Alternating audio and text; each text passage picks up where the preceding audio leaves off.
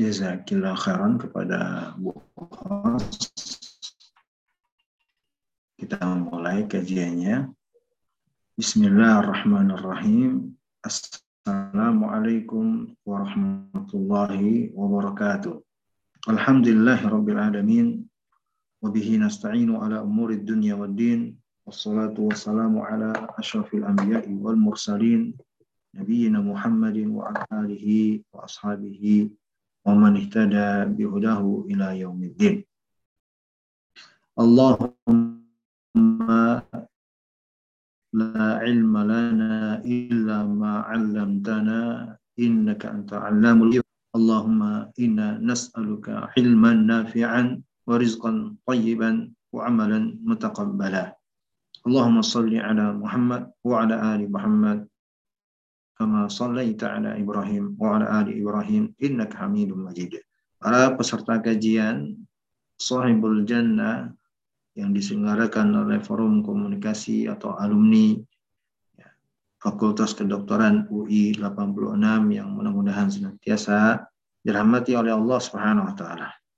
Kita bersyukur pada pagi hari ini dengan sekian banyak kebaikan dari Allah yang kita dapatkan dan juga kesempatan yang masih Allah beri untuk kita berkumpul bersama-sama dalam rangka mempelajari agama.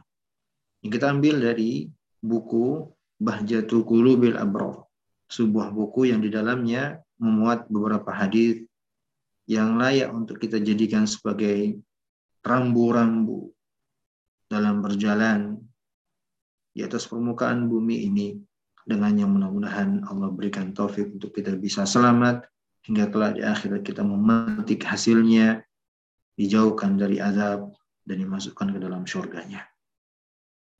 Salawat serta salam mari senantiasa kita perbanyak untuk memanjatkannya untuk Nabi kita Nabi besar Muhammad Sallallahu Alaihi Wasallam. Pembahasan kita pada kesempatan kali ini adalah berkenalan dengan para wali. Karakteristik dan keutamaannya. Sebuah tema yang kita ambil dari kitab Bahjatul Qulubil Abrar pada hadis yang ke-36. Kita baca terlebih dahulu hadisnya كتب ابن اليس رحمه الله الحديث السادس والثلاثون أوصاف الأولياء وفضلهم. عن أبي هريرة رضي الله عنه قال قال رسول الله صلى الله عليه وعلى آله وسلم إن الله قال من عادى لي وليا فقد آذنته بالحرب وما تقرب إلي عبدي بشيء أحب إلي مما افترضته عليه. وما يزال عبدي يتقرب إلي بالنوافل حتى أحبه. فإذا أحببته كنت سمعه الذي يسمع به وبصره الذي يبصر به ويده التي يبطش بها ورجله التي يمشي بها. ولئن سألني لأعطينه ولئن استعاذني لأؤذينه. وما تردت عن شيء أنا فاعله. Taraddudi an qabli nafsil mu'min. Yakrahul maut wa akrahu musa'atah. Wala budda lahu min. Qala rahimahullah rawahul bukhari. Abu Hurairah radhiyallahu taala anhu berkata bahwa Rasulullah sallallahu alaihi wasallam bersabda Allah berfirman Siapa yang memusuhi waliku maka aku umumkan perang kepadanya.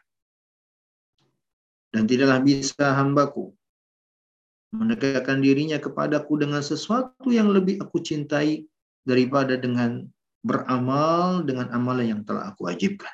Itulah yang paling aku cintai. Jika hambaku terus-menerus mendekatkan dirinya kepadaku dengan amalan-amalan yang sunnah, niscaya aku akan mencintainya. Dan bila aku telah mencintainya, maka akulah pendengarannya yang ia jadikan untuk mendengar. Akulah pandangannya yang ia jadikan untuk memandang.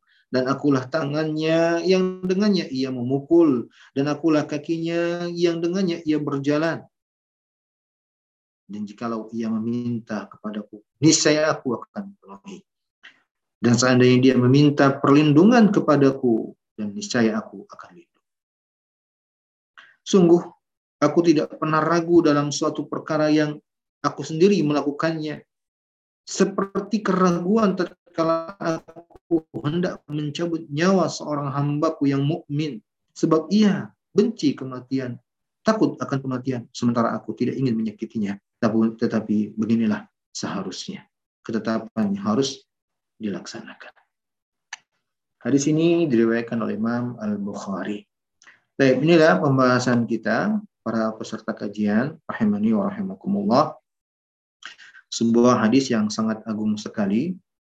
Ya, di dalamnya terdapat banyak sekali pelajaran yang layak untuk kita ketahui bersama.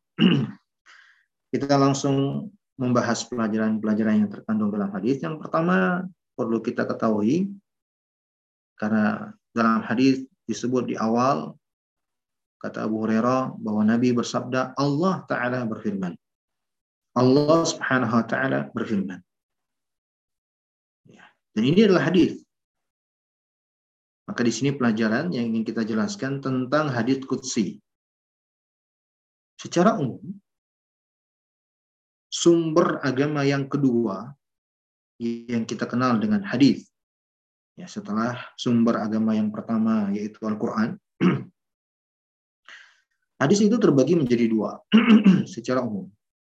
Yang pertama hadis qudsi, yang kedua hadis Nabawi Asy-Syarif. Yang pertama hadis Qudsi.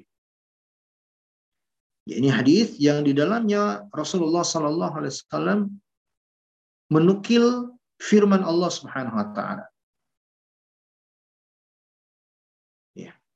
Dan yang kedua hadis An-Nabawi Asy-Syarif di dalamnya adalah ucapan dari Nabi Sallallahu Alaihi Wasallam sendiri apakah sifatnya persetujuan dan pengakuan atau pembenaran dari beliau atau perbuatan beliau atau sifat pada diri beliau semua yang disandarkan kepada diri Nabi Alaihissalam secara langsung.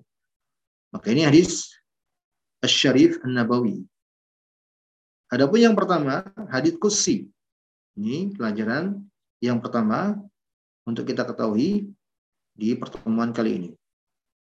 Hadirin yang saya hormati dan saya muliakan, ketahuilah bahwa hadits kursi secara makna itu sama dengan Al-Quran.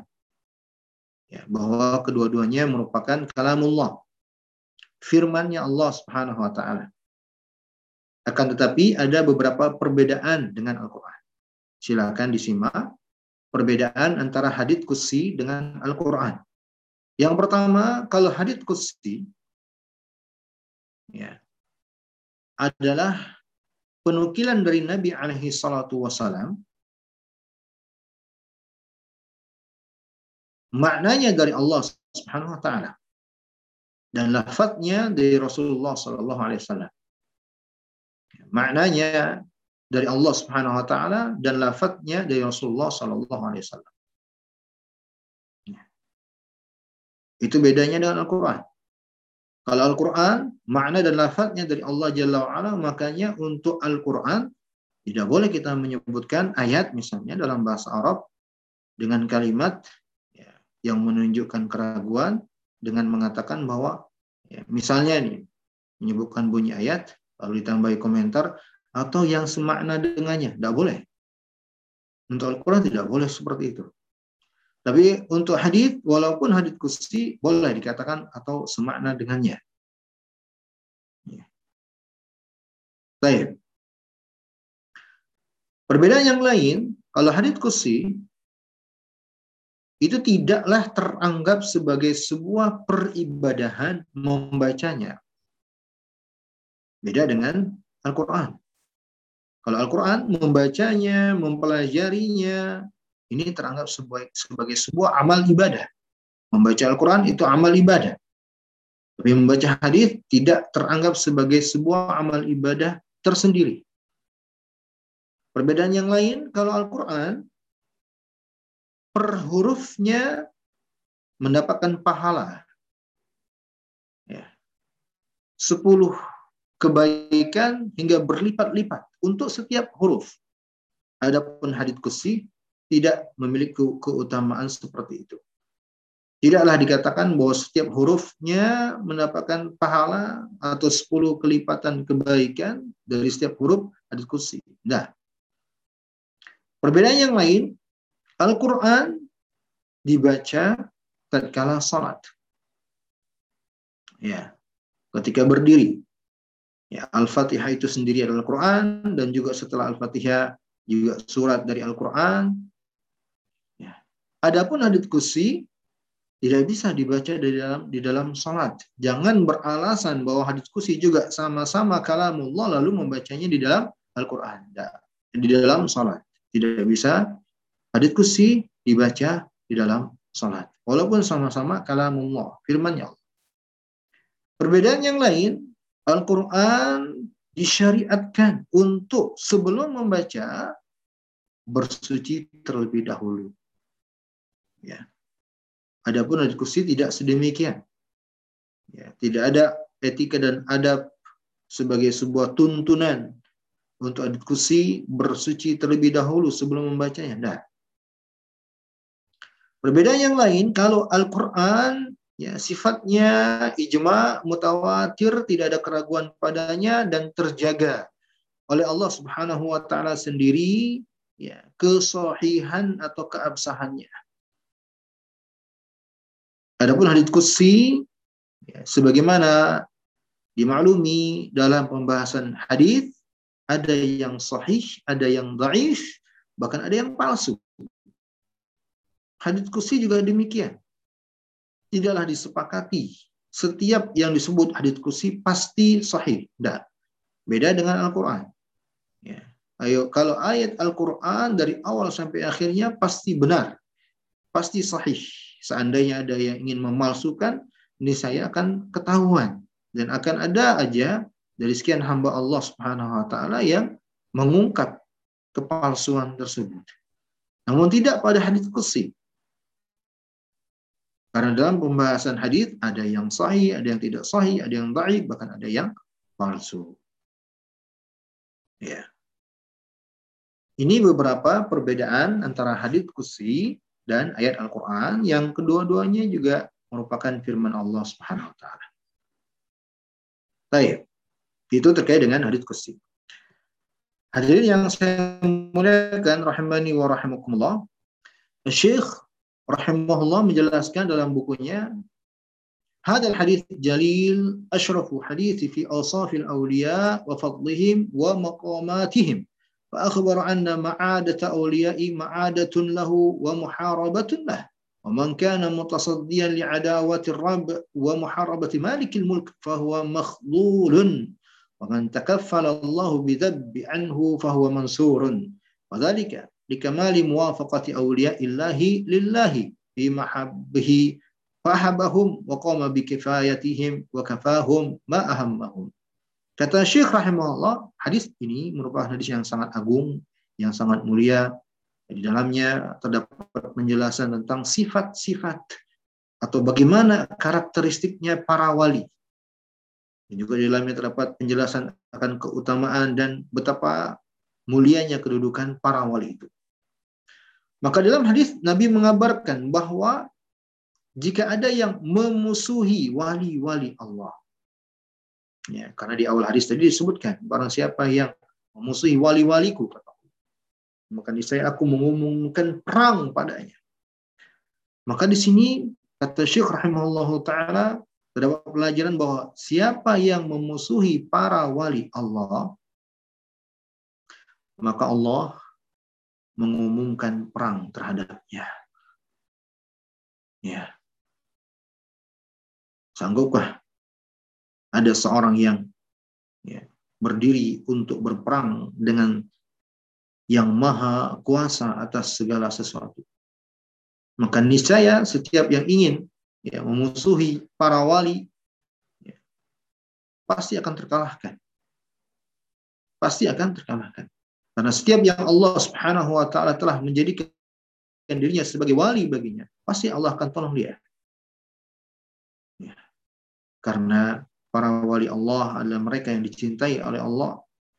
Allah Subhanahu wa taala mencintai mereka dan mereka pun senantiasa menunaikan kewajiban kepada Allah Jalla wa ala dan Allah juga menghilangkan segala perkara yang membuat mereka gundah gulana kekhawatiran mereka.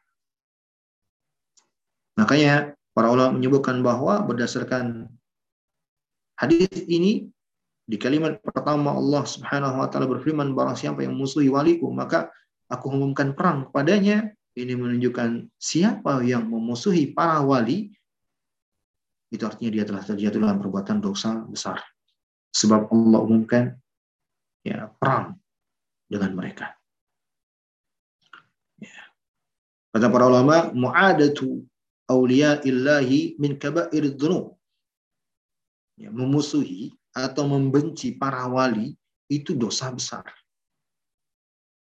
Hadirin yang saya hormati dan saya muliakan, ya, dosa besar yang kita bahas ini bukan seperti dosa besar yang kita maklumi sedang uh, selama ini dalam perbuatan kah, dalam ucapan kah. Enggak, ini ya dosa besar yang terkait dengan hati. Kalau ada yang dalam hatinya dengki, kalau ada dalam hatinya benci, kalau ada dalam hatinya tidak suka dengan para wali Allah, maka dia telah terjatuh dalam dosa besar. Dan hati-hati baginya. Sebab Allah telah mengumumkan, Faqad adantuhu bil. Aku umumkan padanya. Aku tantang dia untuk berperang. Ya, maka ini menunjukkan mengerikannya kalau ada yang Ya. Seperti itu keadaannya. Membenci, tidak menyukai, ya, tidak menyenangi wali wali Allah Subhanahu wa taala.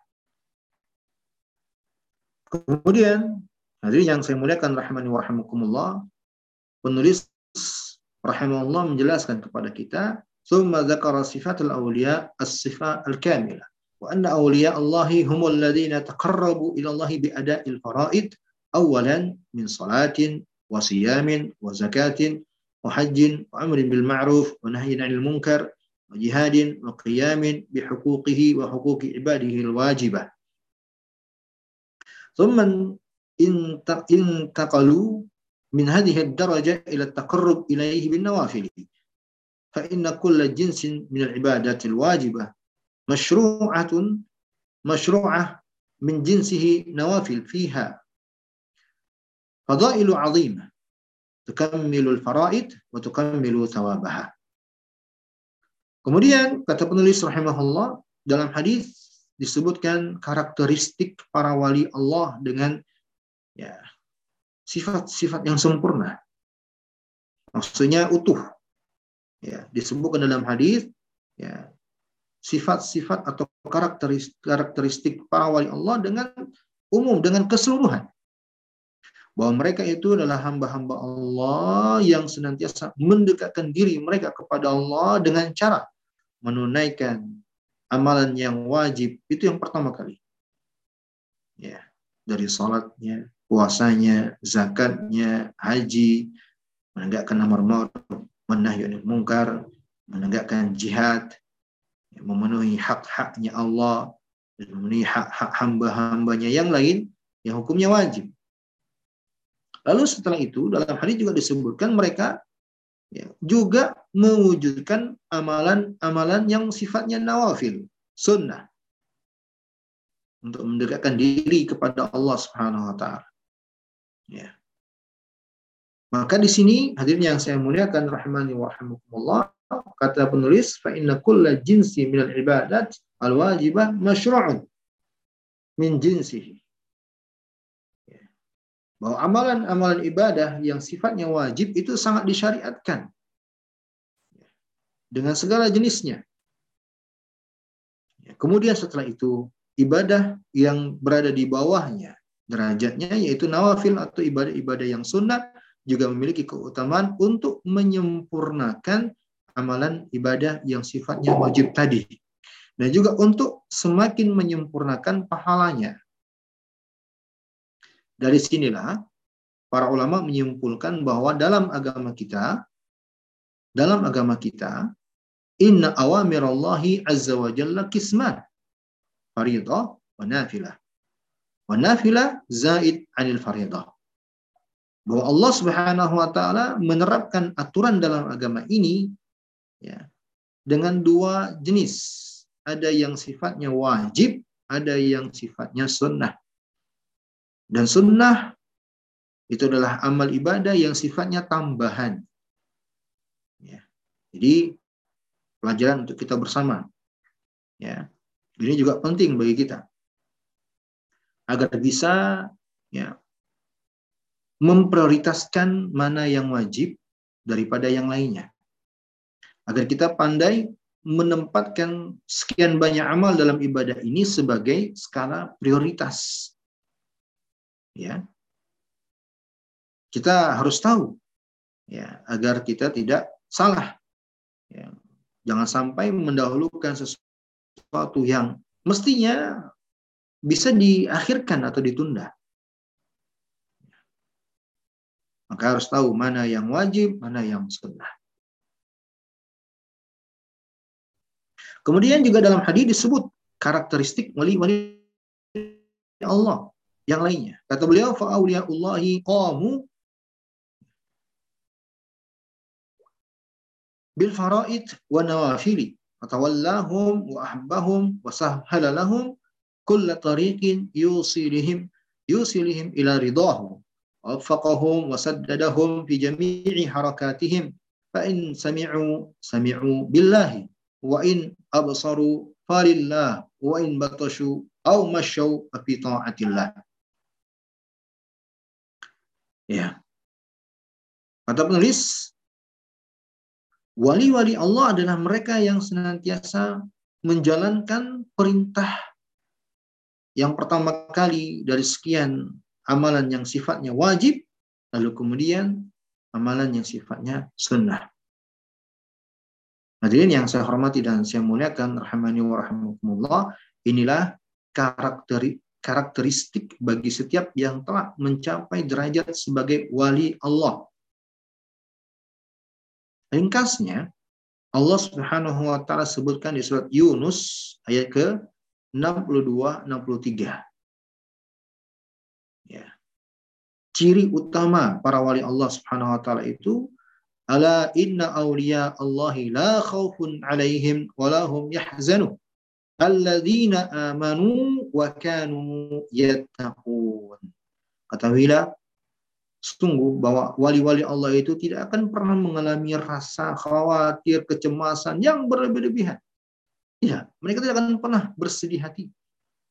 Siapa itu? Kata Allah, alladzina amanu wa kanu yattaqun. Mereka adalah orang-orang yang beriman dan senantiasa bertakwa kepada Allah Subhanahu wa taala. Maka kata Syekhul Islam Ibn Taimiyah rahimahullahu taala, Man kana mu'minan taqiyan kana lillahi waliyan. Ya, maka berdasarkan ayat ini kata Syekhul Islam Ibnu Taimiyah rahimahullah, setiap hamba yang beriman kepada Allah dengan benar, ya, dengan sekian banyak konsekuensi keimanan tersebut yang ada pada dirinya. Taqiyan, kemudian juga dia bertakwa kepada Allah, maka hamba tersebut adalah walinya Allah Subhanahu wa taala. Berdasarkan ayat ini. Yunus ayat ke-62 dan 60 tiga. Makanya dalam hadis yang kita bahas, Nabi Wasallam sebutkan bahwa mereka adalah hamba yang giat dalam beramal soleh. Mereka adalah hamba-hamba yang giat beramal soleh. Mereka memprioritaskan amalan-amalan yang wajib. Lalu setelah itu mereka juga mengamalkan amalan-amalan yang sunnah. Itulah wali Allah Subhanahu wa taala. Kata Syekh, fatawallahum. Allah Subhanahu wa taala akan menjadi menjadikan mereka sebagai walinya. Dan Allah akan mencintai mereka.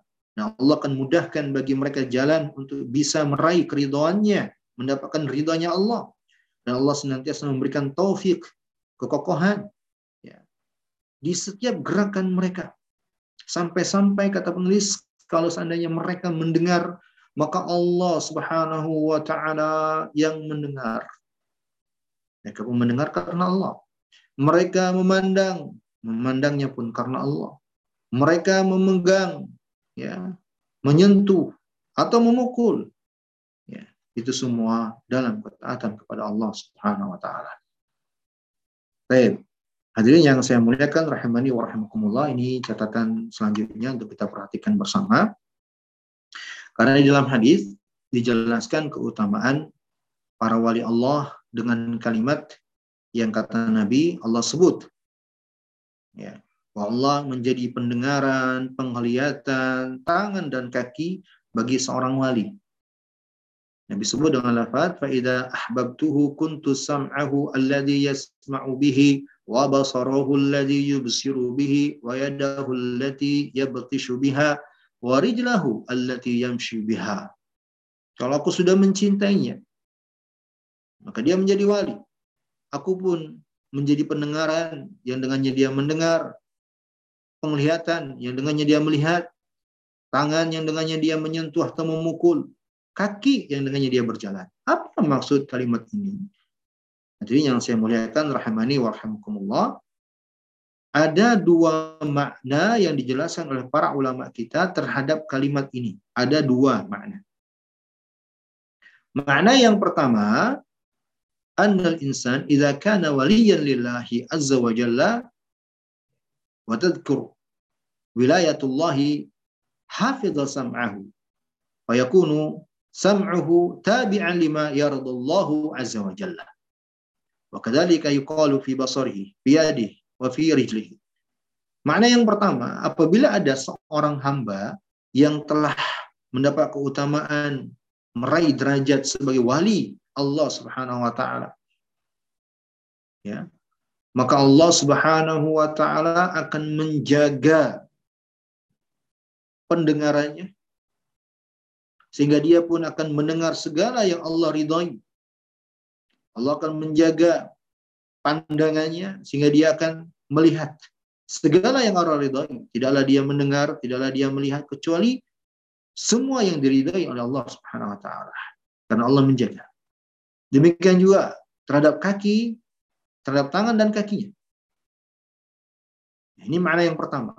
Allah beri taufik ya terhadap anggota tubuhnya dari pendengarannya, ya, Ya, matanya, penglihatannya, tangan dan kakinya kepada hal-hal yang diridhai oleh Allah Subhanahu wa taala.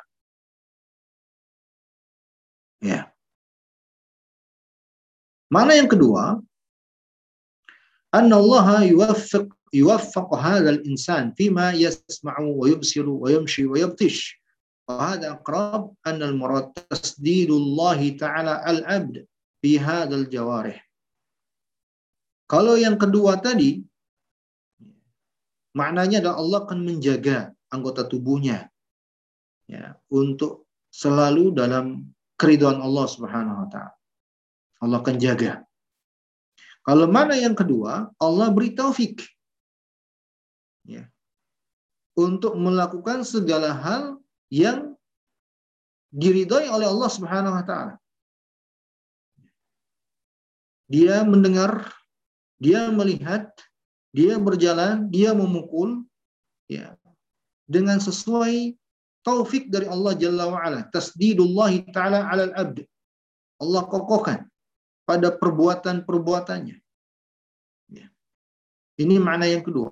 Jadi kalau makna yang pertama penjagaan Allah, kalau makna yang kedua Allah berikan bimbingan. Ya, dua makna yang sangat erat hubungannya untuk kalimat ini. Maka inilah makna dari kalimat tersebut. Para peserta kajian, Bapak Ibu yang saya hormati dan saya muliakan, ketika Allah, ketika Allah sebutkan sebagai keutamaan bagi para walinya. Allah akan menjadi pendengaran, penglihatan, tangan, dan kaki bagi seorang wali. Sehingga jangan kita pahami secara tekstual hadis tersebut. Ya, kita harus mengikuti penjelasan para ulama yang mengumpulkan referensi dari ayat dan hadis untuk menjelaskan kalimat tersebut. Ada pelajaran yang mesti kita perhatikan Mungkin ada pertanyaan, kenapa tidak boleh kita pahami hadis tersebut secara tekstual atau secara uh, redaksi, zahirnya saja. Kalau kita katakan dengan makna-makna sebagaimana yang telah dijelaskan tadi, apakah tidak termasuk dalam takwil yang tidak dibenarkan? Ya. Mungkin ada aja yang bertanya dengan pertanyaan seperti itu. Maka kita jawab bahwa kita harus tidak memahami hadis tersebut ya sesuai dengan dohirnya atau sesuai dengan teksnya karena Allah sendiri jelaskan bahwa dirinya tidak sama dengan makhluknya. Allah sendiri menjelaskan bahwa dirinya tidak sama dengan makhluknya. Di dalam Al-Quran di surah Ash-Shura ayat ke-11 Allah berfirman, Laisa kamitslihi syai'un wa huwa sami'ul basir. Tidak ada yang serupa dengannya sesuatu apa pun, ya, dialah maha mendengar lagi maha melihat.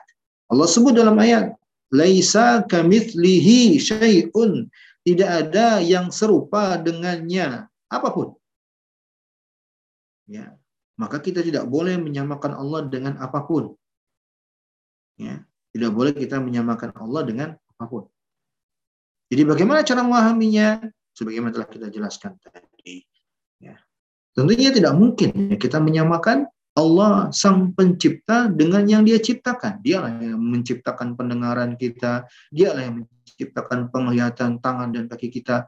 Bagaimana mungkin kita menyamakan Allah Jalla wa'ala yang maha mulia dengan sesuatu yang penuh dengan kehinaan. Maka ini maksud dari kalimat tersebut sebagai keutamaan bagi para wali-wali Allah Subhanahu wa taala. Ya. Kemudian kata penulis rahimahullah taala ini juga penjelasan untuk keutamaan para wali Allah Subhanahu wa taala yang selanjutnya. Wa ma'a tasdidihi lahum fi harakatihim ja'alahum mujabad da'wah in sa'aluhu a'tahum masalih dinihim wa dunyahum wa in ista'aduhu min asy-syurur a'adzahum ya. dengan taufik dan kekokohan yang Allah anugerahkan bagi mereka pada anggota tubuh mereka, pada gerakan-gerakan mereka. Ya. Ditambah lagi Allah beri keutamaan untuk mereka, yaitu dengan dikabulkannya permintaan-permintaan mereka. Ya, kalau mereka memohon kepada Allah ya, pada perkara baik yang berhubungan dengan dunia mereka atau perkara yang berhubungan dengan agama mereka, niscaya Allah akan penuhi. Dan seandainya mereka minta perlindungan kepada Allah dari berbagai macam bentuk kejelekan, maka niscaya Allah akan memberikan perlindungan kepada mereka. Ini keutamaan para wali. Ya. Wa ma'a dzalik laqafa bihim fi kulli ahwalihim walaula annahu qadha ala ibadihi bil maut asallama minhu awliya'ah li'annahum yakrahunahu limasyaqqatihi wa 'azamatihi wallahu yakrahu musa'atahum walakin lamma kana al-qadha nafidan kana la budda lahu min kemudian ya, ini juga yang menunjukkan keutamaan para wali Allah ya, bahwa Allah menjelaskan betapa sayangnya Allah dengan mereka betapa sayangnya Allah Jalla wa'ala terhadap mereka Ya. Seandainya tidak ada ketentuan dan takdir Allah Jalla wa'ala bagi mereka dengan adanya kematian, maka niscaya Allah tiadakan hal tersebut. Akan tapi ketentuan dan ketetapan Allah Jalla wa'ala dengan adanya kematian harus tetap berlangsung. Sebab Allah sebut dalam hadis mereka ya, mengalami rasa sakit. Mereka merasakan pedih ketika menghadapi kematian dan Allah Subhanahu wa taala tidak ingin menyakiti mereka. Namun ketentuan qada dan qadarnya Allah Jalla wa'ala pasti terlaksana dan terwujud ya maka mau tidak mau Allah Subhanahu wa taala pun menetapkan kematian bagi mereka walaupun sakit yang mereka rasakan. Itulah maksud kalimat dalam hadis yang di bagian akhir tadi. Kemudian kata penulis rahimahullah, "Fabayyana fi hadzal hadis sifatul awliya wa fadailahu wa husula mahabbatillahi lahum allati hiya a'zamu ma tanafasa fihi al-mutanafisun wa annahu ma'ahum wa nasarahum wa mu'ayyiduhum wa musaddiduhum wa mujibu da'watihim. Ya. Maka dalam hadis terdapat menjelaskan ya, siapakah para wali itu dengan berbagai macam keutamaan dan karakteristiknya mereka. Ya, bahwa Allah mencintai mereka, dan ini cukuplah menjadi perkara yang hendaknya kita berlomba-lomba meraihnya. Meraih cintanya Allah, meraih ridhanya Allah Jalla wa'ala. Yang Allah berikan kepada para walinya. Bahwa Allah subhanahu wa ta'ala akan senantiasa bersama dengan mereka, memberi pertolongan kepada mereka, menguatkan mereka, mengokohkan mereka, mengabulkan doa dan permintaan mereka. Ya. Ini di antara keutamaan para wali Allah yang disebutkan dalam hadis bahwa Allah Subhanahu wa taala akan mengabulkan doa mereka, memenuhi permintaan mereka, melindungi dari segala hal yang mereka tidak sukai. Ya. Allah Subhanahu wa taala sebutkan, "Wala in sa'alani la Kalau mereka minta kepadaku, niscaya aku akan kabulkan. Wala ista'adzani la Kalau mereka minta perlindungan, niscaya aku akan lindungi mereka. Mungkin ada pertanyaan dan di sini adalah pelajaran yang disebut oleh Syekh Ibn Saimin rahimahullah yang layak juga untuk kita perhatikan terhadap kalimat ini. Kata beliau, fa in qala qail hal hadha ala itlaqihi ay annahu idza sa'ala al-insanu ayyu shay'in ayya shay'in ujiba ma dama mutassifan bihadil awsaf. Apakah artinya ketika Allah sebut kalau dia minta niscaya aku akan mintai, uh, niscaya aku akan penuhi, kalau dia minta perlindungan niscaya aku akan lindungi. Itu artinya uh, adanya seseorang memiliki kebebasan mau minta apa saja Allah akan penuhi ya kata Syekh la لأن النصوص لأن النصوص يقيد بعضها بعضا فإذا دعا بإثم أو قطيعة الرحم أو ظلما للإنسان فإنه لا يستجاب له ya tidak mungkin ya dipahami seperti itu Jangan hanya karena ada kalimat ketika Allah mengatakan kalau dia meminta, saya aku akan penuhi. Lalu ada yang memahami, ya apa pun yang diminta pasti Allah kabulkan. Tidak. Kata Syekh Nusaimin, dalil-dalil telah menjelaskan adanya batasan-batasan dalam doa. Kalau permintaan atau doa kepada Allah mengandung dosa padanya, ya, atau di dalamnya mengandung permintaan untuk memutuskan silaturahim, atau di dalam doanya mengandung kezaliman kepada seorang dan seterusnya dari perbuatan dosa, niscaya Allah tidak akan kabulkan. Ya, walaupun dia telah memperbanyak amalan sunnah, walaupun dia telah mencapai derajat wali dan seterusnya. Ya. Sebagaimana dimaklumi, doa yang mengandung dosa padanya, permintaan untuk memutus tali silaturahim, atau di dalam yang mengandung kezaliman kepada yang lain, Allah Jalla wa'ala tidak akan kabulkan. Lianna Allah Azza wa Jalla a'dil a'dala min ayyi jiwa mislah hada. So Allah itu adalah maha adil. Tidak mungkin Allah Subhanahu wa taala melakukan kezaliman dengan memenuhi doa-doa ya bagi mereka yang beralasan bukankah Allah telah mengatakan apa pun yang diminta di saya akan dipenuhi ya itu menafikan keadilan Allah Subhanahu wa taala. Baik, Hadirin yang saya hormati dan saya muliakan rahimani wa rahmatullah. Wa yadullu hadzal hadits ala isbati mahabbatillahi wa wa tawa tafawutiha li awliyaihi bihasabi maqamatihim. Dalam hadis juga terdapat penjelasan adanya sifat kecintaan bagi Allah Subhanahu wa taala. Bahwa Allah itu mencintai hambanya. Allah mencintai wali-walinya. Ya, dengan kecintaan yang datang dari Allah sesuai dan kemuliaannya, berbeda-beda tergantung dengan kedudukan dan ya kondisi mereka. Ya. Maka hadirin yang saya muliakan rahmani wa rahmakumullah. Kata penulis rahimahullah taala wasafu an-nabiy sallallahu alaihi wasallam li awliyaillahi bi ada'il faraid wal iktsar min an-nawafil mutabiqun li wasfillahi lahum bil iman wat taqwa fi qawlihi ala inna awliya Allahi la khawfun alaihim wa lahum yahzanun alladzina amanu wa kanu yattaqun.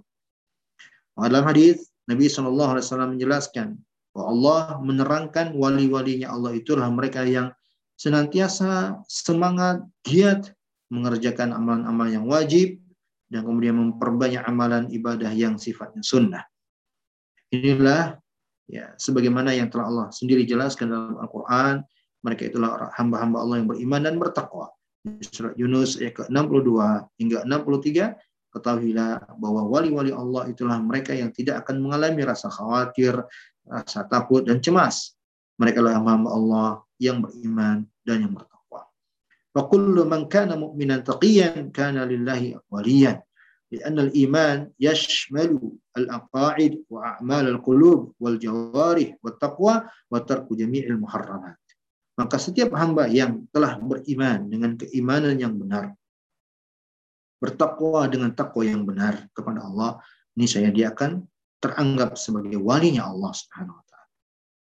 Ya, iman yang benar mencakup padanya akidah yang benar, amalan di hati, amalan hati, amalan anggota badan yang benar, ya, dan takwa mencakup makna meninggalkan segala yang dilarang oleh Allah Subhanahu wa taala. Sehingga hadirin yang saya hormati dan saya muliakan rahmani wa rahimakumullah ya penetapan adanya wali wali Allah Subhanahu wa taala berdasarkan hadis ini adalah suatu perkara yang tidak mungkin ada seorang pun mengingkarinya atau menafikannya. Ya. Bahwa wali Allah memang benar adanya. Wali Allah itu memang benar adanya.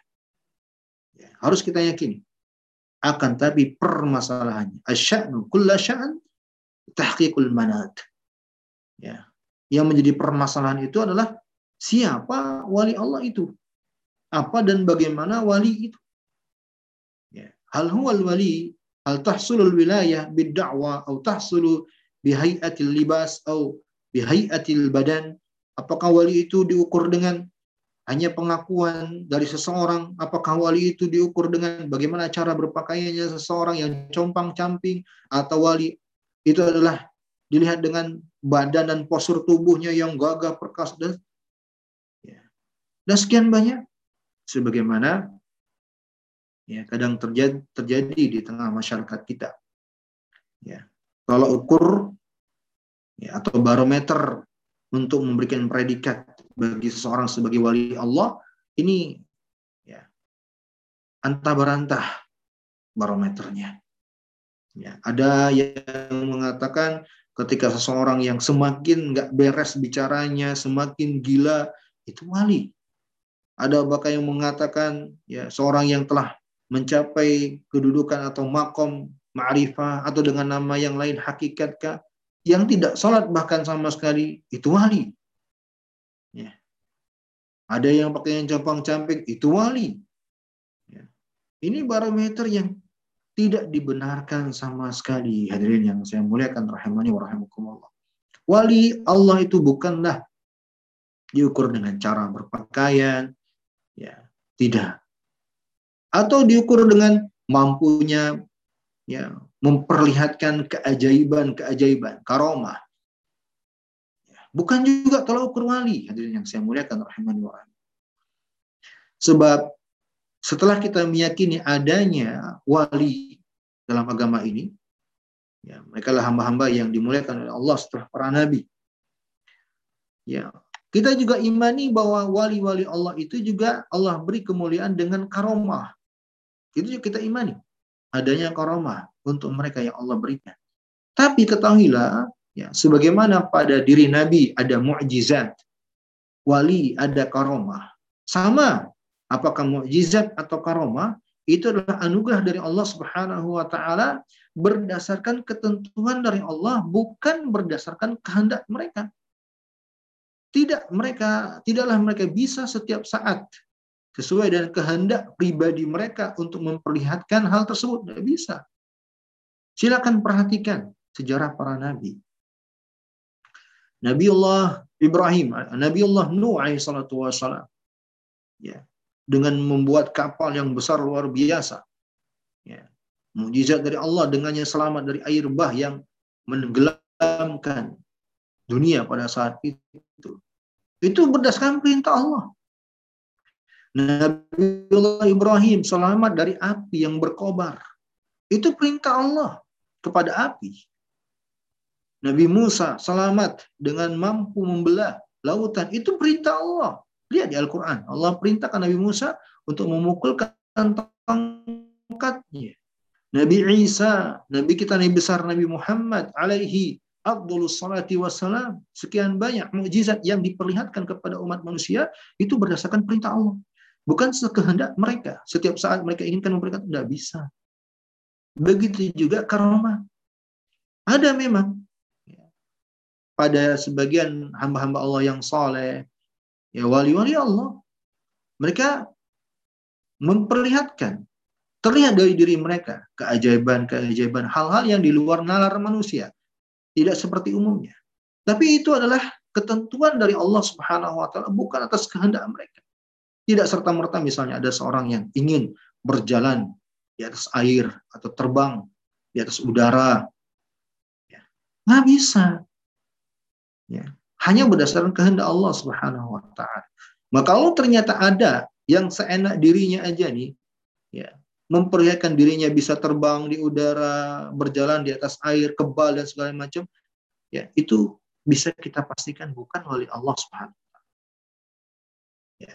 Tapi indikasi adanya muamalah dengan jin, ya, adanya siasat dengan syaitan-syaitan untuk mengelabui umat. Sehingga mengagungkan seseorang berlebih-lebihan. Mengatakan wali padahal bukan wali. Ya. sempat ada beberapa waktu yang lalu. Ya, diyakini sebagai wali Allah Jalla wa'ala. Tapi sholat saja enggak. Pakaiannya saya tidak mencerminkan orang yang menjaga kebersihan. Ya. menjaga kebersihan adalah perintah agama. Bagaimana menjadi wali Allah kalau tidak menjaga perintah agama? Ya maka ini bukanlah wali, bukanlah standar wali Allah Subhanahu wa taala. Alladzina amanu wa kanu yattaqun. Wali Allah itu standaritasnya adalah mereka yang beriman dengan benar dan bertakwa kepada Allah Subhanahu wa taala. Ya, kata penulis rahimahullah taala wa yadullu ala asl azim wa huwa anna al-fara'id muqaddimatun ala an-nawafil wa ahabbu ila Allah wa aktsaru ajran wa thawaban. Liqaulihi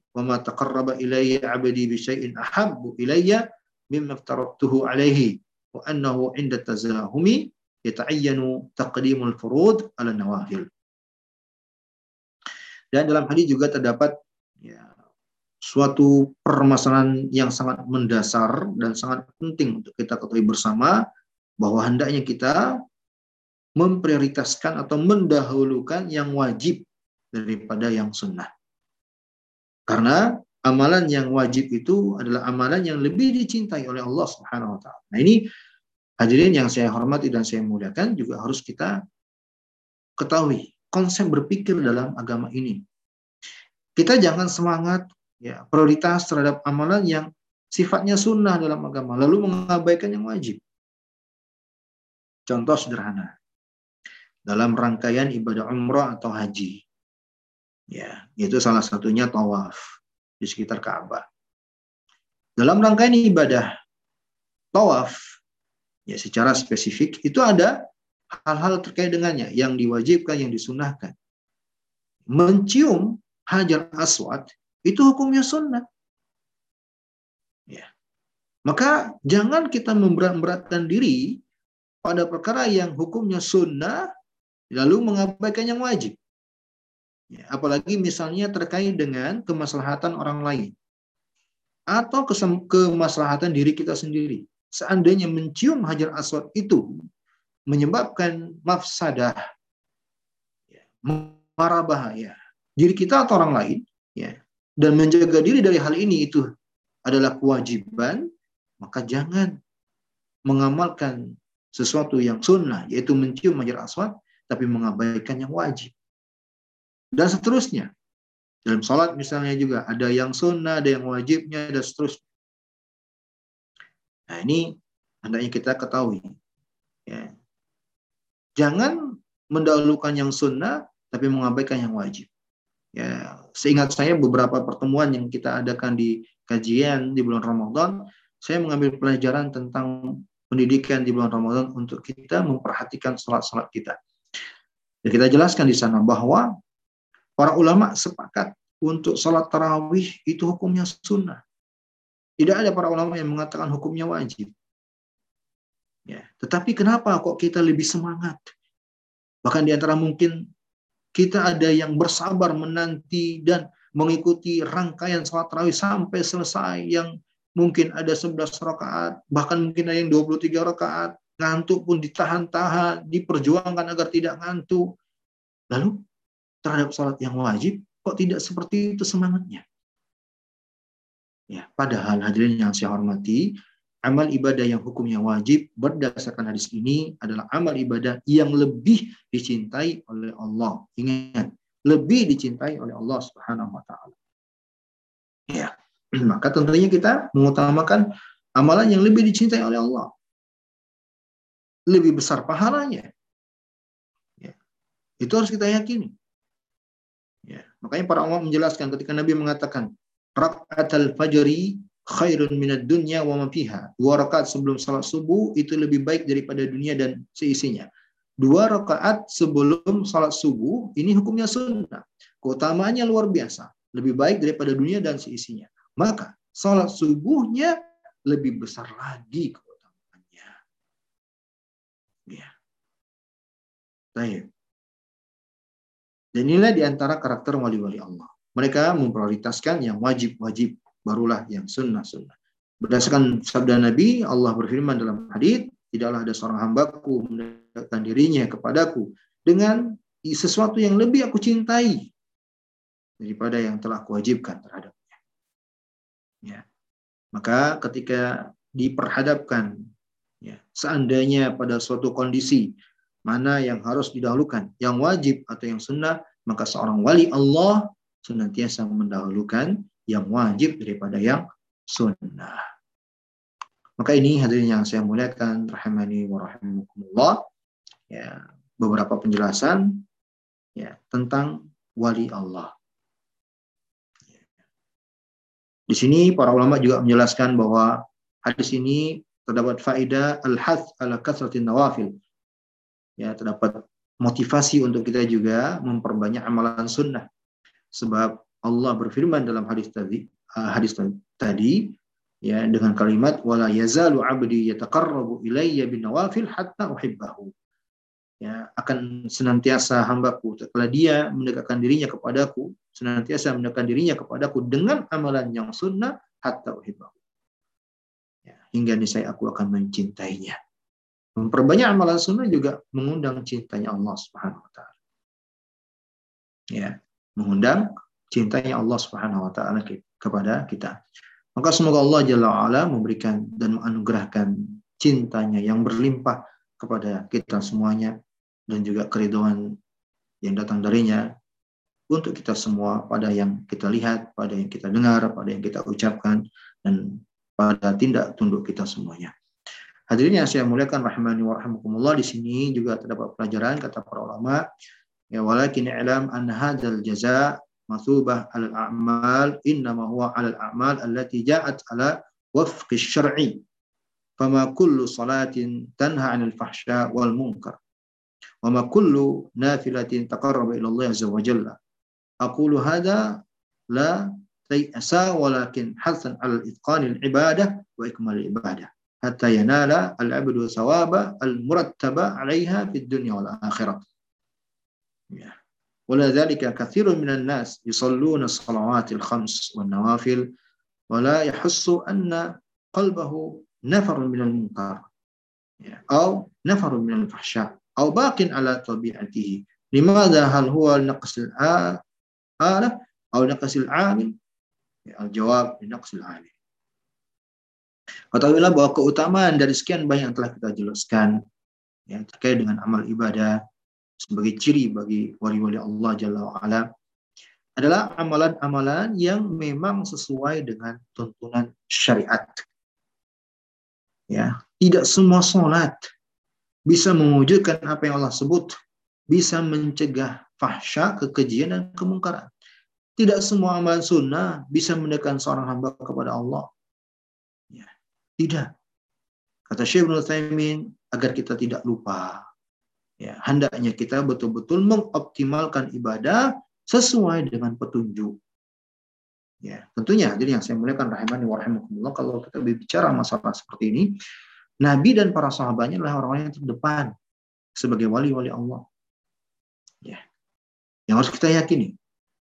Nah, kalau kita yakini hal seperti ini, apakah ada ya orang-orang belakangan selain mereka ya mengaku sebagai wali tapi tidak beramal dengan seperti amalan Nabi dan para sahabatnya radhiyallahu anhu ajma'in. Ya, kalau ada yang mengatakan ada, maka itu sama saja ya, mengurangi derajat mereka, mencela, ya, meremehkan mereka, tidak menjadikan mereka sebagai tauladan. Maka ini hadirin yang saya muliakan rahmani wa rahimakumullah. Ya, wali Allah adalah mereka adalah hamba Allah yang senantiasa beramal soleh, berakidah dengan benar, dan juga berilmu. Ya. Dan itu semua tidak akan didapat kecuali dengan taufik dan petunjuk dari Allah dengan cara belajar hadirin yang saya muliakan. Dengan cara belajar. Ya, dengan cara belajar untuk meraih kemuliaan di sisi Allah Subhanahu wa taala dunia dan akhirat sebagai walinya. Ini mungkin pelajaran yang bisa kita sampaikan pada kesempatan kali ini. Wallahu taala alam bisawab. Uh, saya kembalikan kepada host. Silakan, host.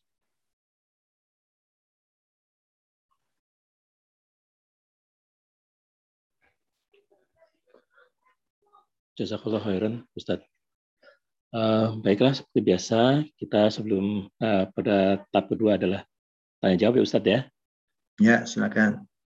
Silakan teman-teman yang ingin bertanya langsung maupun ya menuliskan chat silakan.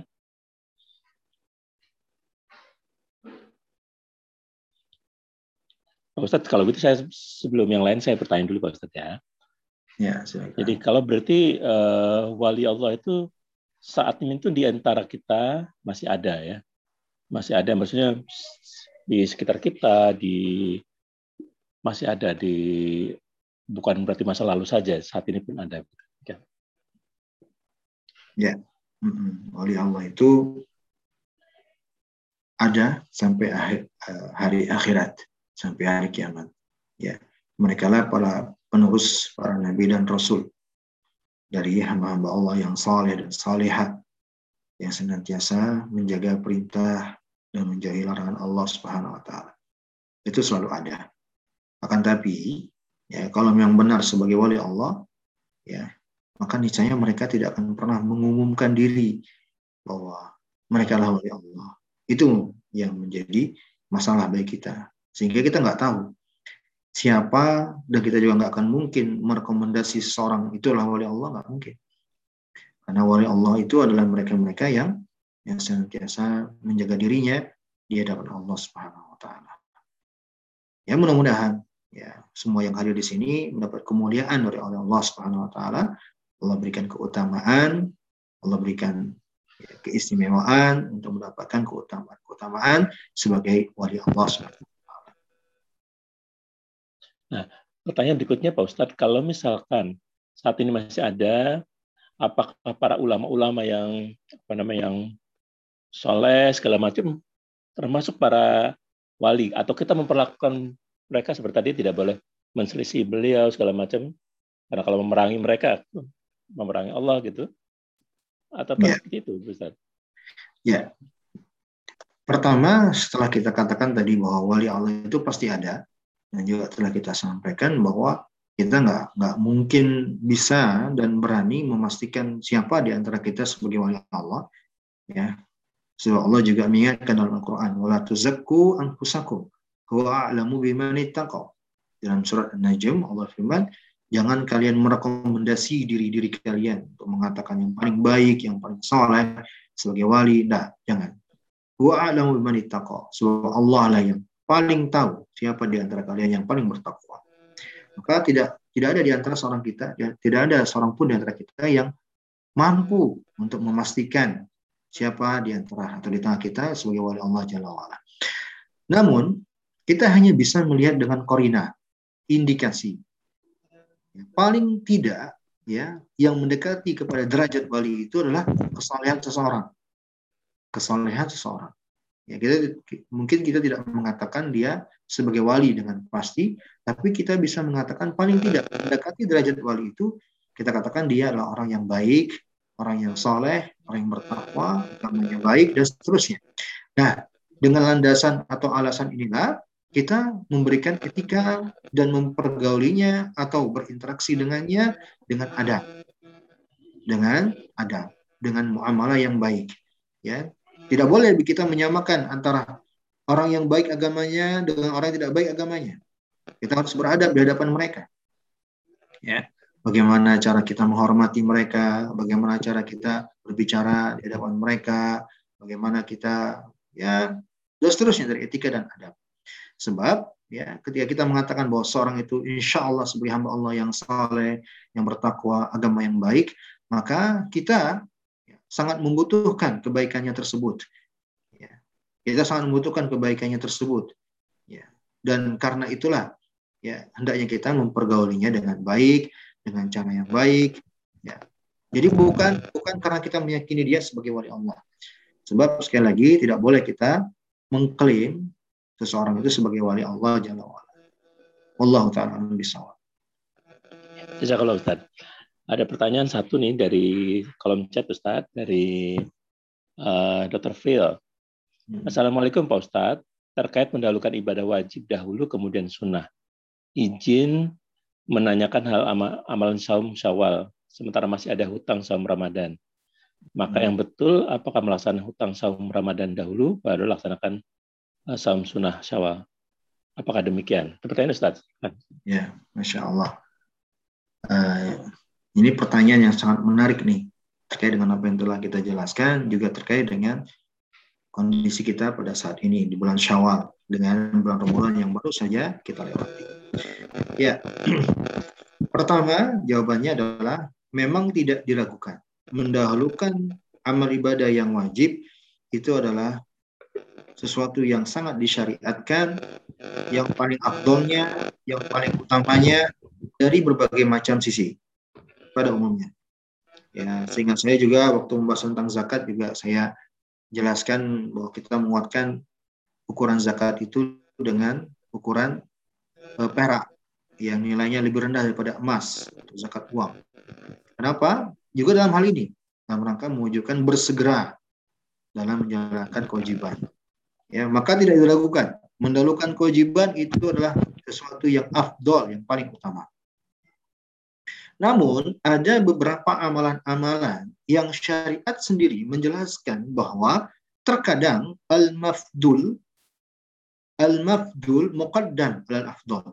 Sesuatu yang tidak afdol kadang bisa didahulukan daripada yang lebih afdol darinya. Kadang ada kondisi seperti itu. Ya, saya langsung kepada permasalahan yang ditanyakan. Ini salat, eh, puasa Syawal.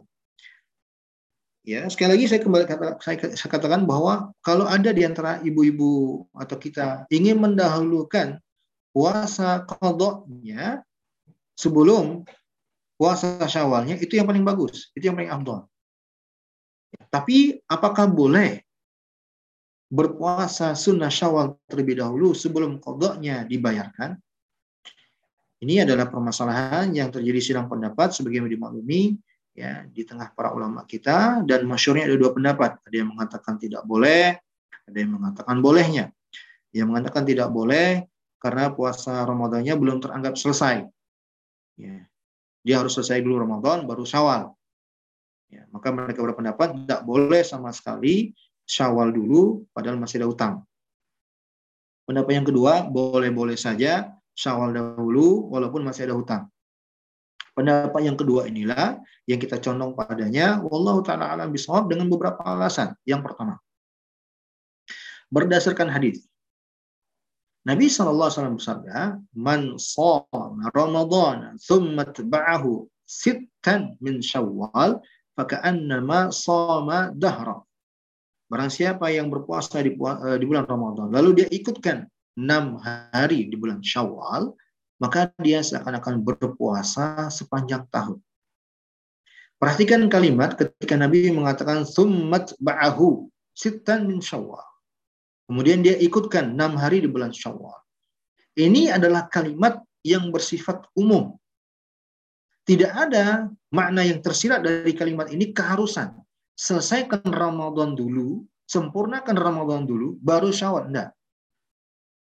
Seandainya memang seandainya memang seperti itu pemahamannya bahwa Ramadan itu harus sempurna dulu baru Syawal, maka niscaya kalimat tersebut akan ada tersisipkan dalam hadis atau maknanya pun bisa dipahami, tapi tidak ada. Sehingga makna hadis tersebut pokoknya siapa yang puasa Ramadan, puasa Ramadan, lalu dia puasa Syawal enam hari, dia dapat keutamaan tersebut. Sama saja dia sempurna atau tidak di bulan Ramadan. Ya, dia ikutkan. Ya. Dia ikutkan puasa Ramadannya dengan enam hari di bulan Syawal. Ini jawaban yang pertama.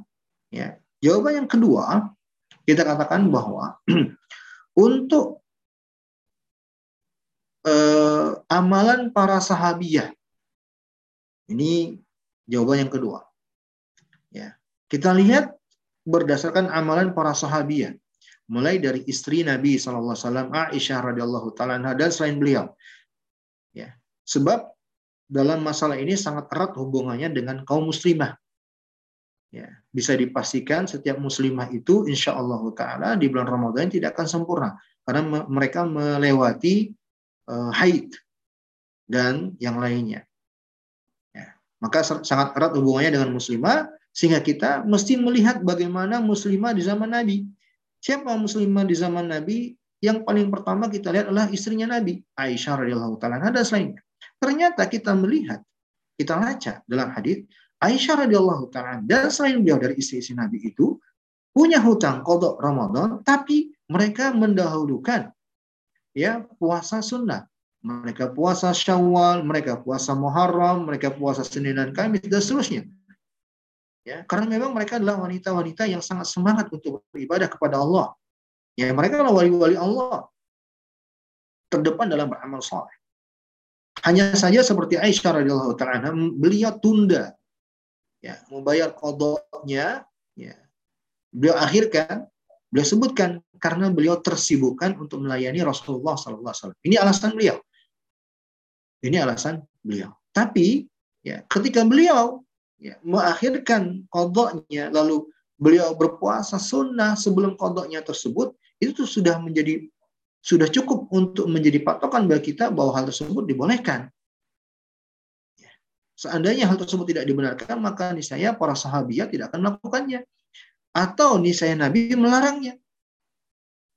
Ya. Tapi tidak. Ini jawaban yang kedua.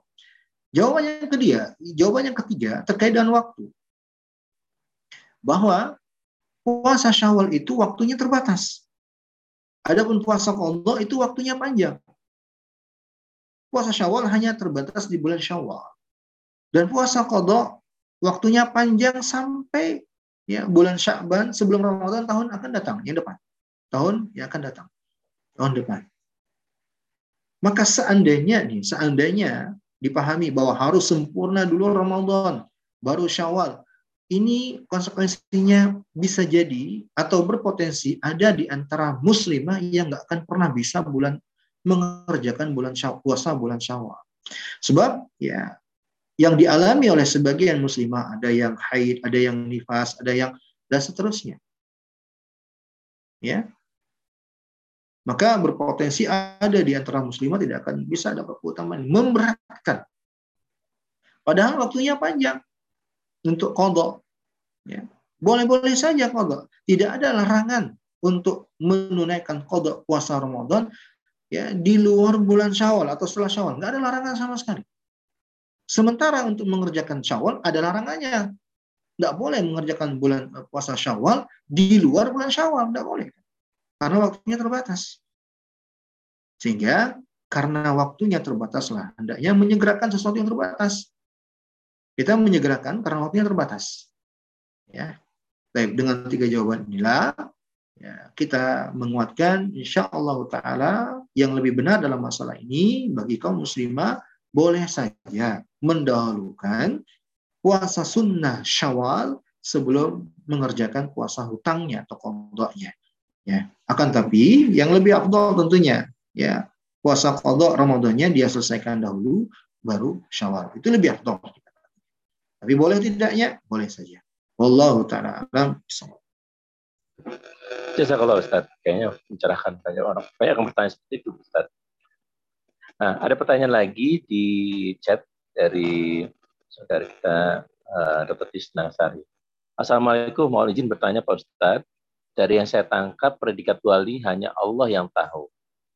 Dan seorang yang soleh, entah apakah memenuhi syarat sebagai seorang wali atau tidak, harus kita sayangi dan perlakukan dengan baik. Pertanyaannya, apakah sebagai seorang diri pribadi ini untuk kita sendiri, uh, apakah kita boleh bercita-cita atau berusaha agar bisa mencapai persyaratan menjadi seorang wali Allah? Bukan maksudnya agar dianggap wali oleh orang lain. Apakah ini melangkahi ketentuan Allah, Ustaz? Atau nuhun jazakallah khairan wa barakallahu fikum. Silakan Ustaz ini pertanyaan. Ya. Waalaikumsalam warahmatullahi wabarakatuh. Wa fikum barakallah. Ya, Masya Allah pertanyaannya bagus sekali. Hadirin yang saya hormati dan saya muliakan, wali ya, itu adalah derajat untuk seorang hamba.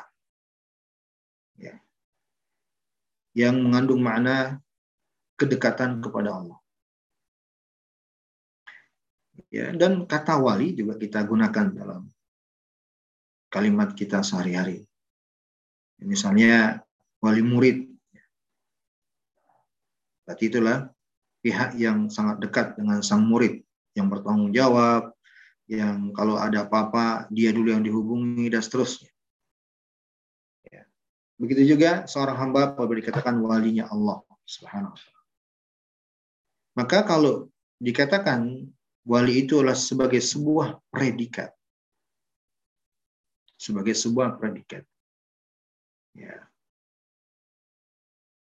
Tidak ada seorang pun di antara kita ya, yang sanggup mengatakan dirinya sebagai wali.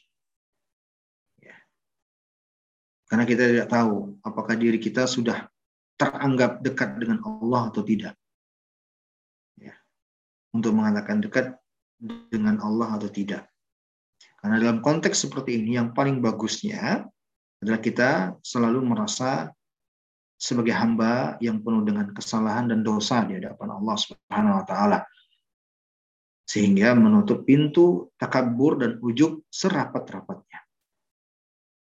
Makanya eh, Nabi sendiri ya, Sallallahu Alaihi Wasallam, beliau pernah bersabda, ya wa inni la astaghfirullah sab'ina au mi'ati mi'ati maratin fil yawm sungguh aku beristighfar. Mohon ampunan taubat kepada Allah setiap hari 70 sampai 100 kali. Ya. Kenapa bisa seperti itu? Karena Nabi merasa bahwa beliau adalah hamba biasa. Artinya dalam konteks seperti ini. Ya. Bukan ya seorang yang takabur dan angkuh merasa dirinya telah ya, mulia di hadapan Allah. Abu Bakar juga demikian. Abu Bakar itu pernah ya sedihnya bukan main. Sebab beliau pernah melihat diri beliau. Kok bisa? Kalau di hadapan majelis Nabi SAW menangis, mengingat neraka, ya melayang ketika mendengarkan surga. Tapi ketika pulang ke rumah, seakan-akan hilang itu semua. Maka Abu Bakar radhiyallahu ta'ala dan juga Handola bersamaan dengan beliau di saat itu merasa mereka telah menjadi orang-orang yang munafik. Munafik. Kenapa bisa seperti itu? Karena mereka tawadu di hadapan Allah. Takut diri mereka terjatuh kepada perkara yang tidak diridai oleh Allah Subhanahu wa taala. Ini semua dalam rangka menutup pintu takabur, ujub.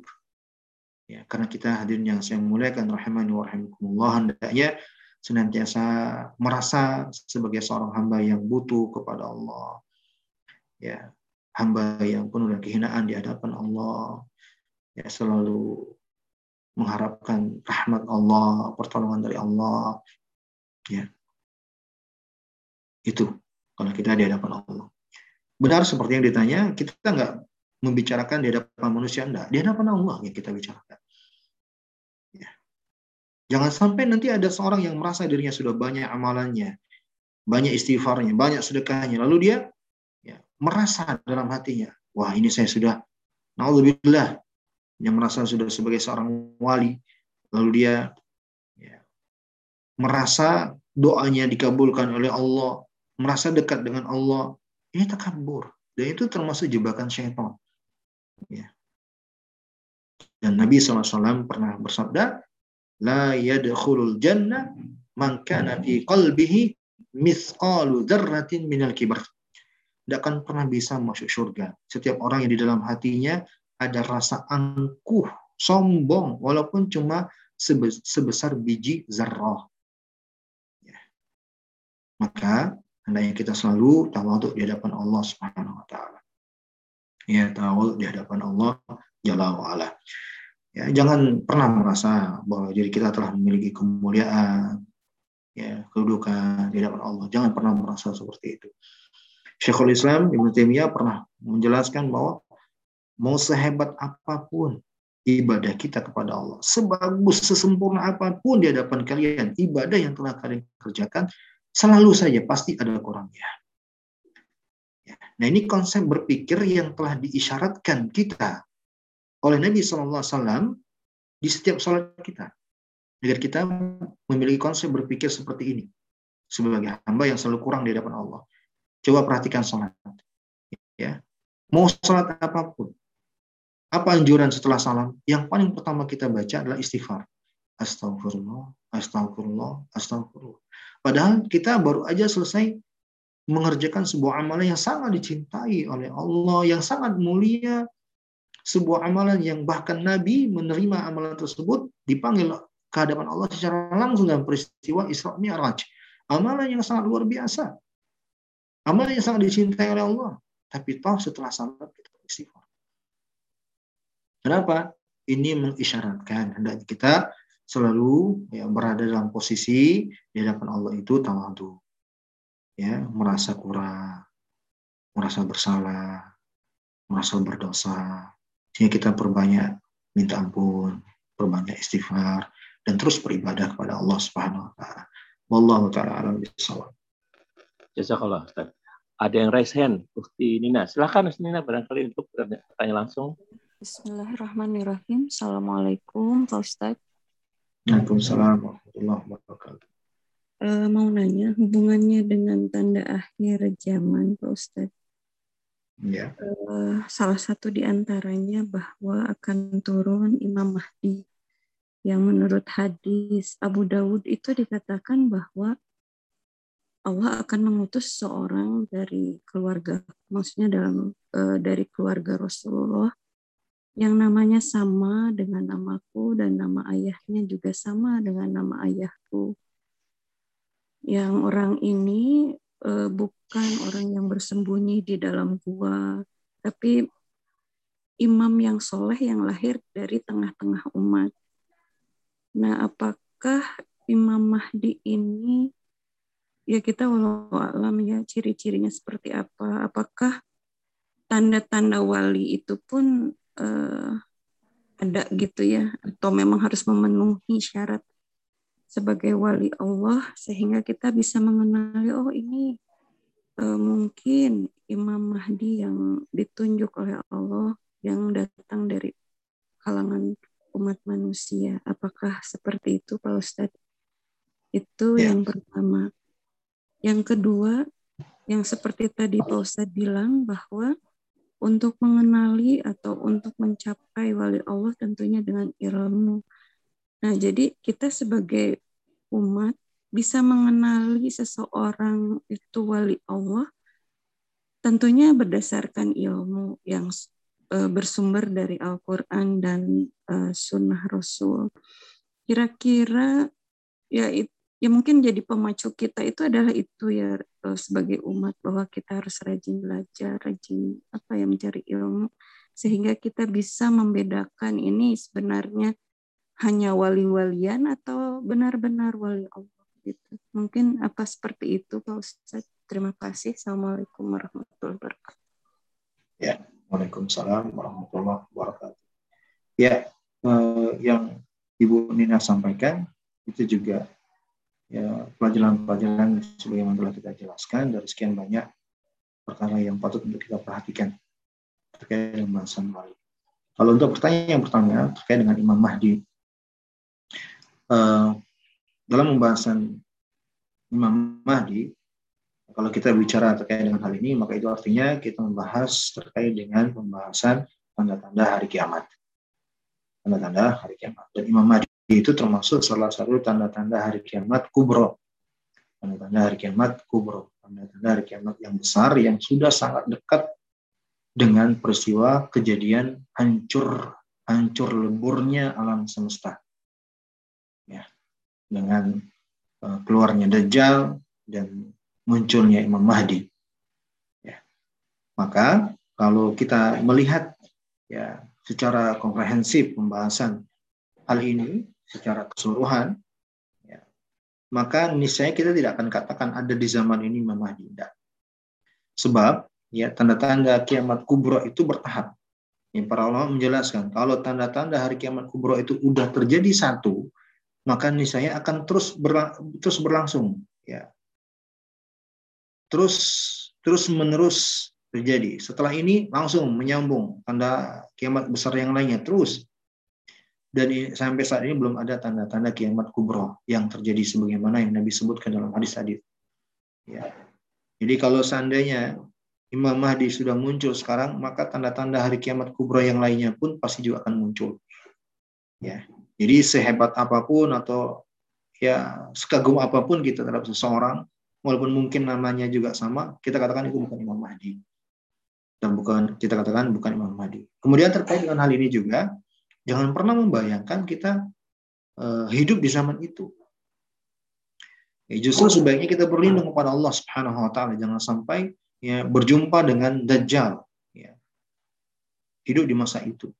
Sebab kita nggak tahu apa kita diberi taufik oleh Allah tidak ya, yang sanggup menghadapi ujian dan cobaan dan fitnah dajjal tersebut. Makanya kita dianjurkan untuk berdoa memohon perlindungan kepada Allah setiap salat kita sebelum salat dari fitnah dajjal. Itu artinya kita berharap kepada Allah agar tidak diperjumpakan dengannya. Ya. Maka untuk pertanyaan yang pertama bahwa uh, kita tidak tidak bisa mengatakan ada indikasi atau bagaimana untuk seorang itu sebagai Imam Mahdi atau tidak ya karena Nabi sendiri sudah menjelaskan ya bahwa beliau beliau adalah dari kalangan orang Allah Quraisy bernama dan uh, ayah juga sama dengan nama Nabi Shallallahu Alaihi ya, Muhammad bin Abdullah. Baik, untuk pertanyaan yang kedua, ya seperti yang telah kita jelaskan, memang untuk mengukur wali Allah ya, dengan wali syaitan gitu ya. Kalau ungkapan dari Syekhul Islam Ibn Taimiyah waliur rahman atau waliur syaitan. Lalu dengan ilmu dengan ilmu ya. Kita tidak bisa mengukur, oh ini benar wali Allah, oh ini bukan wali Allah, ini wali-walian ini. Tanpa ilmu nggak akan bisa.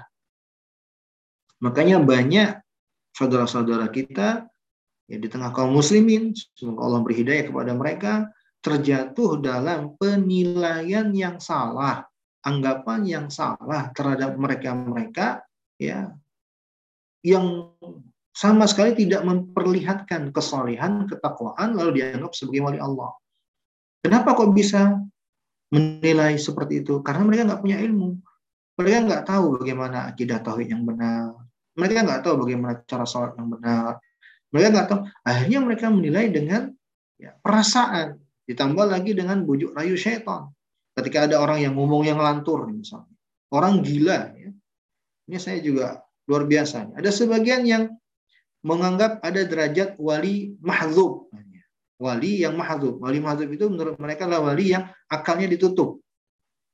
Ngomongnya ngalur ngidul. Tapi wali. Bagaimana mungkin wali Allah kok seperti itu? itu orang gila. Ya, sholat aja enggak misalnya ya. Pakaian juga compang-camping. Kita pastikan 100% tanpa ada keraguan bukan wali Allah. bukan wali Allah. Ya. Allah sebut dalam ayat tadi telah kita sebutkan. Ala inna awliya Allah la khawfun alaihim wa lahum yahzanun. Alladzina amanu wa kanu yattaqun. Mereka itu orang-orang yang beriman dengan beriman yang benar dan bertakwa. Bertakwa itu apa? Menjalankan perintah dan menjauhi larangan. Itu sederhananya takwa. Ya, jadi Bapak Ibu, ya, jangan jangan terpesona, jangan juga terpengaruh dengan adanya postingan-postingannya di media sosial, ya, anggapan wali untuk seseorang yang ya sunnah Nabi saja dia tidak jalankan. Ya, lebih banyak mengamalkan hal-hal yang justru dilarang oleh Rasulullah Sallallahu Alaihi Wasallam. Walaupun banyak orang mengatakan wali, kita katakan bukan wali Allah. Ya, dengan ilmu. Makanya uh, tetap semangat untuk terus belajar, tetap semangat untuk memupuk dan mengumpulkan bekal ilmu syar'i sehingga kita tahu mana tuntunan Allah yang terkait dalam masalah akidah, terkait dalam masalah fikih ibadah. Ya, kita amalkan semua ilmu yang didapatkan. Ya, kita pun bisa insya Allah akan mengukur siapa wali Allah dan bukan wali Allah. Ya, demikian Allah Taala alam. Jazakallah Ustaz. Pak Ustadz ini mohon izin dan teman-teman juga yang lain. Uh, waktu sudah 10.28, tapi ada pertanyaan dari Ukti Isnasari. Apakah masih boleh, Ustaz? Ya, silakan. Baik. Uh, jadi yang ditanyakan oleh Ukti Isnasari ini tentang bergibah, Ustaz. Jadi seperti kita lihat baca riwayat di para sahabat Nabi, itu kan selalu yang baik, ada juga yang buruk. Nah, kalau kita berkait bergaul sehari-hari gitu, kita menceritakan kehidupan orang lain, menceritakan apa uh, misalkan diri keluarga sendiri, yang maksudnya baik sebenarnya sih, gitu kan? Apakah boleh seperti itu, Ustaz? Takutnya bergibah. Hmm, ya. Baik. Ringkasnya, riba yang dibolehkan itu uh, dengan terpenuhi enam syarat. Riba yang dibolehkan itu ya ini terpenuhi padanya enam syarat. Yang pertama, bila menyebutkan aib seseorang yang emang udah dikenal dengan sebuah kejelekan, ya, dan dia melamporkan kejelekan tersebut untuk menghentikan kejelekan tersebut. Ini boleh. Yang kedua, dalam rangka uh, ma'arif, ya, menyebutkan kejelekan seseorang yang aib itu ada ciri dirinya. Misalnya, dia matanya eh, sipit, dia matanya ada cacatnya dalam rangka mengidentifikasi yang ketiga, dalam rangka e, melaporkan kepada pihak yang berwajib untuk ya menyelesaikan masalah. Ya. Dan seterusnya ada beberapa hal. Nah, kalau dikaitkan dengan kisah-kisah terdahulu dengan adanya penyebutan orang-orang dengan sekian banyak aibnya, itu pada memang orang-orang yang pantas untuk diceritakan seperti itu. Untuk diambil pelajarannya supaya jangan terpengaruh orang-orang belakangan atau mengikuti langkah mereka. Ya. Jadi jangan dikiaskan dengan orang yang terdahulu yang memang mereka adalah orang-orang yang layak untuk dibegitukan, disikapi seperti itu dengan orang-orang yang ada di sekitar kita. Jangan.